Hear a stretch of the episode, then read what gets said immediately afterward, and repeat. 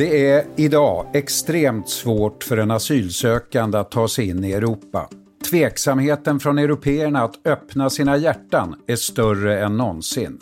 På den grekiska ön Lesbos fortsätter dramatiken kring det nedbrunna flyktinglägret Moria och hur och om flyktingarna ska hjälpas. Studio DN idag om EU-kommissionens försök att lappa ihop sin trasiga migrationspolitik. Jag heter Lasse Bengtsson.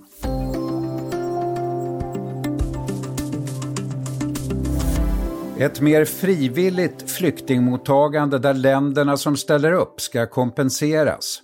I händelse av kris ska EUs medlemsländer kunna tvingas till insatser. Ett asylcenter vid EUs yttre gräns där man snabbt ska kunna bedöma vilka som har asylskäl eller inte. Det är enligt uppgifter till DN något av det väntade innehållet i det nya förslaget från EU-kommissionen och Ylva Johansson. Hallå där Erik de la Reguera, DNs korrespondent i Paris. Hej! Erik, du har ju precis jobbat med ett mycket konkret exempel på den här svåra frågan, nämligen alla de afghanska flyktingar som först kom till Sverige, men som nu befinner sig i framförallt Paris. De är många och många hade varit länge i Sverige. Så här säger en av dem, Bilal. Jag kom till Paris i slutet av oktober. Alltså det var det tuffaste eh, upplevelsen i mitt liv som jag upplevde i Paris i början. Det var mycket elände, fattigdomen och eh, kriminalitet. Det gjorde ont i hjärtat när man såg att eh, folk sov på gator. Från Sverige alltså, där Bilal var många år och nu till en utsatt situation i Paris. Beskriv, Erik, vad du har sett när du har träffat de här afghanska ungdomarna. Ja, Bilal är ju en av dem som har börjat komma in i samhället här i Frank Frankrike ändå. Det, har ju, eh, det är omkring eh, minst 3 000 afghanska ungdomar som har tagit sig ner hit till Paris på olika sätt eh, de senaste åren eh, för att de hoppas kunna få asyl här istället efter att ha blivit nekade i Sverige. Då.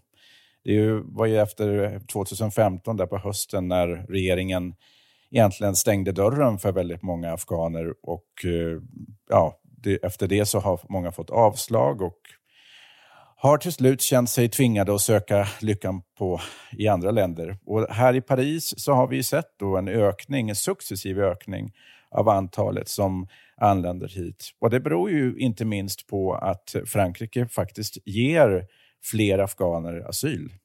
För det, det är just eh, en av, av eh, frågorna här, varför de ville just till Frankrike från Sverige. Så här säger Sara Brachet som arbetar med flyktingar i Paris till dig. Det största problemet för de som kommer från Sverige är ju den här Dublinförordningen som gör att de ska skickas tillbaka till det land de först sökte asyl. Att de ändå kommer hit har säkert att göra med att Frankrike inte är så bra på att verkställa eftersom ungefär 10% bara verkligen skickas tillbaka till Sverige. De andra blir kvar här på något sätt. De blir kvar här på något sätt. Ja, då är frågan vilka möjligheter har de generellt sett att ta sig fram i Frankrike, i Paris? Alltså man måste ju ha eh, klart för sig vad den här Dublinförordningen gör. Det är, ju, det är ju det här gemensamma systemet som vi har i EU för att i teorin i alla fall, hantera eh, flyktingströmmar och asylmottagandet. Men i praktiken har det inte fungerat särskilt bra de senaste åren. Det har varit väldigt mycket bråk om det här, den här Dublinförordningen. Och för de afghaner då som kom där 2015 så har det blivit lite av en mardröm. Därför att de kom ju precis när Sverige då började känna att nu kommer det alldeles för många och så drar man åt. Och då eh, får man nej på sina ansökningar, även om ganska många av dem som jag har pratat med förefaller ha ganska starka asylskäl. Och som du vet så är det ju ett inbördeskrig som pågår i Afghanistan. Så att det, det, de eh, åkte ner hit och eh, försöker då komma undan den här regeln som säger att man får bara ansöka i ett land. Det är det som är huvudregeln i Dublin. nu. Så att det, de kommer ner till Paris och så går de och anmäler sig på en polisstation. De lever ganska miserabelt i såna här tältläger, för de är egentligen papperslösa. Ju. Men de går in på en polisstation och så hoppas de att polisen inte hittar deras fingeravtryck i databaserna. Men det gör de ju ofta, så att de dyker ju ofta upp i de här databaserna och då ska de skickas tillbaka till Sverige. Och där kan man tänka sig att där, där tar drömmen slut. Men så är det inte riktigt. Utan väldigt många av de som vi har pratat med som har varit här lite längre har faktiskt lyckats få stanna på olika sätt. På olika sätt? Ja, vad, vad är det för sätt?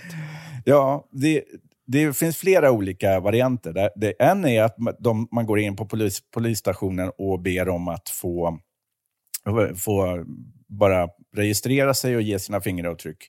Och en del dyker faktiskt inte upp i de där databaserna. Alternativt så är det någon tjänsteman som för den dagen inte riktigt har lust att ta ännu ett Dublin-ärende. Vi, vi, vi, vet inte riktigt vad det där beror på, men det är ganska många faktiskt som har, har sluppit igenom kan man säga och har fått eh, ansöka om asyl. Ingen vet riktigt hur många, för att det där finns ju inte, de finns ju per definition inte riktigt i systemet annat än en vanlig asylansökande från Afghanistan. Men sen så är det också, också bland de som eh, då kommer, kommer till eh, Paris och Frankrike och då hamnar i den här Dublinfällan, så är det ganska många av dem som som kan överklaga det här beslutet. För att det går ju iväg då ett sånt här en begäran om en överföring, som man säger på byråkratspråk. Alltså att Frankrike ber Sverige att ta emot en person och Sverige säger då ofta, jo men visst, skicka hit personen så eh, tar vi hand om den personen. Och då är det ju ofta ett utvisningsbeslut till Afghanistan som väntar där i Sverige.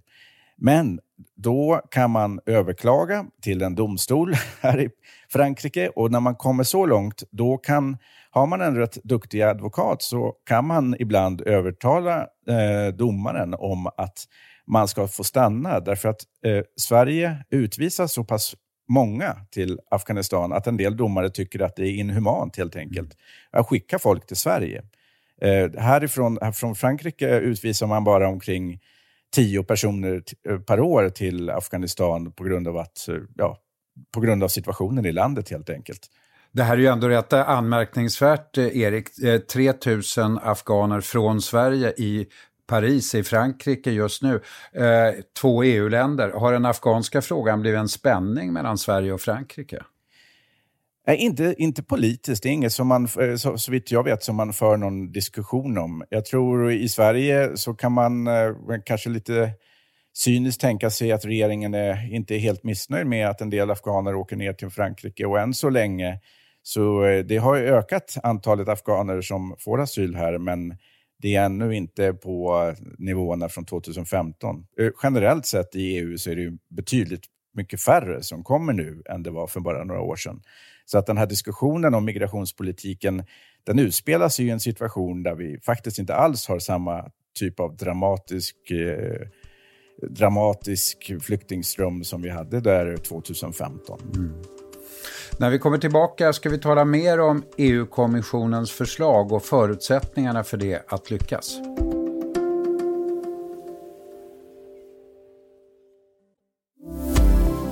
Ja, Erik de la Reguera i Paris. Tyngden i den europeiska migrationspolitiken ska bygga på solidaritet mellan medlemsländerna. Det slog ju EU-kommissionens ordförande Ursula von der Leyen fast i ett så kallat linjetal häromveckan. Men hur sannolikt är det egentligen på en skala? Ja, det, man kommer nog inte så jättehögt på skalan, för det här är ju eh, naturligtvis Ja, det är ju samma diskussion som tidigare egentligen. Man har ju talat ganska länge om att man eh, ska kunna på olika sätt kanske kunna ha någon typ av grad av frivillighet i detta. Men mycket, mycket kommer att handla om hur mycket pengar det rör sig om, hur mycket de här länderna som Ungern och Polen förväntas bidra med om de inte tar emot några flyktingar alls, vilket de ju många gånger har sagt att de inte vill. Men eh, är det så att EU-kommissionen trots eh, den här pengafrågan att lever under någon slags tryck eh, från Centraleuropas populistiska regeringar? Jo, men så är det ju. För att det är ju helt uppenbart att eh, Viktor Orbán till exempel kan, eh, kan stoppa ett förslag som han inte tycker är bra. Så att det gäller ju att hitta någon typ av kompromiss här där, där både Ungern och Polen kan eh, komma ut ur det här och visa sig som vinnare på något sätt. Samtidigt så har ju det här varit en långdragare så att alla vill väl egentligen få ett slut på det här. Det är ju, de flesta är nog ganska trötta på den här frågan. Möjligtvis då med undantag för Viktor Orbán som ganska ofta vinner inrikespolitiska poäng på den. Efter EU-kommissionens förslag kommer stats och regeringschefen att samlas till EU-toppmöte och sen blir det en lång behandling i alla olika EU-organ. Hur ställer sig till exempel Frankrike till de nya förslagen, Erik?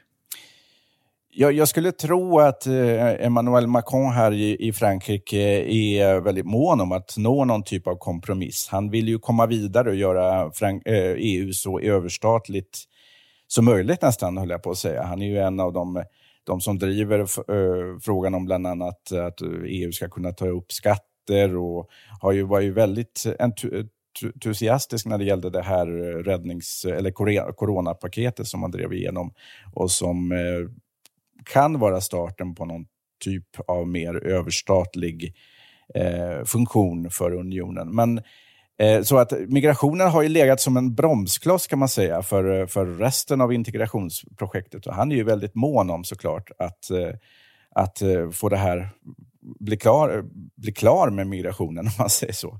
Men frågan är om det kommer att lyckas. Men det här är ju en fråga som, som har eh, ja, som unionen har dragits med nu i, i tio år åtminstone, som har varit väldigt infekterad och som eh, antagligen kommer att fortsätta vara det. Man kanske kan komma överens om någon, någon typ av funktion där de länder som inte vill ta emot flyktingar då köper sig loss. Men eh, som sagt, det kommer att nog vara väldigt känsligt hur mycket pengar det handlar om och det talas om personal också. Man undrar ju vad det betyder också man vill, man vill se det mer konkret, vad det här leder till. För under lång tid har det ju känts, inte bara i Sverige utan i hela Europa, som någon slags tävling i om vem som kan skrika stram migrationspolitik högst. Finns det några tecken som du ser på någon annan riktning överhuvudtaget framöver?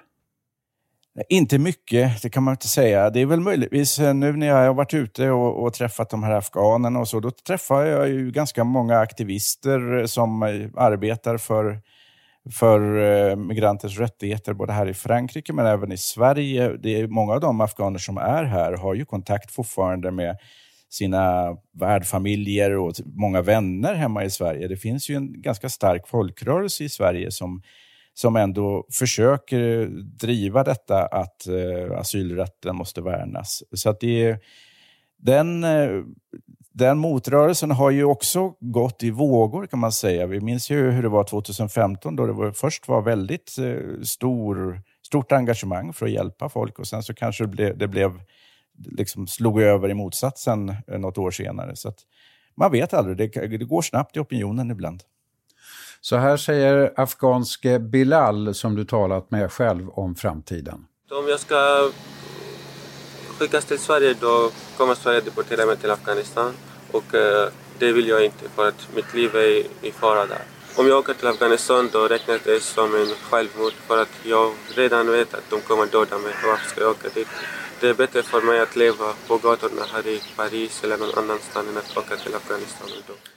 Ja, bättre att leva på gatan i Paris, säger Bilal. Vad har du för tankar om var de afghanska ungdomar som du nu har träffat i Paris kommer att hamna mitt i den här dramatiska europeiska flyktingdebatten? Ja, lite paradoxalt så är ju de regler som gäller just nu faktiskt en, lite av en räddning för en del av de här afghanska ungdomarna. Vi har träffat rätt många som det faktiskt har gått bra för här i Frankrike och det beror inte minst på att om, om man blir Dublin-fall, som man säger, och sen går under jorden och, och stannar här som papperslös i 18 månader, då har man faktiskt möjlighet sen att ansöka igen och då få, eh, kunna få asyl i Frankrike. Och då är det många som får det. Och eh, ja, Vi har träffat folk som jobbar på restaurang och som eh, ja, både har egen restaurang eller är kypare och de jobbar på klädaffärer och har helt vanliga liv. Och det är ju precis det som de allra flesta drömmer om. Och det, ja, det är svårt att veta hur bra det kommer att gå för de flesta, men det här är ju det, är ju det som de hoppas på och det är det som en del nu är oroliga för att det här nya förslaget ska sätta stopp för. Mm. Tack så mycket, Erik de la Reguera i Paris. Studio DN imorgon om den politiska striden om USAs högsta domstol och om vilken högerkandidat som ska efterträda den av det liberala USA så högt aktade Ruth Bader Ginsburg. Studio DN görs av producent Sabina Marvelakaj, exekutiv producent Augustin Erba, ljudtekniker Patrik Miesenberger, teknik Oliver Bergman, Bauer Media. Jag heter Lasse Bengtsson. Vi hörs.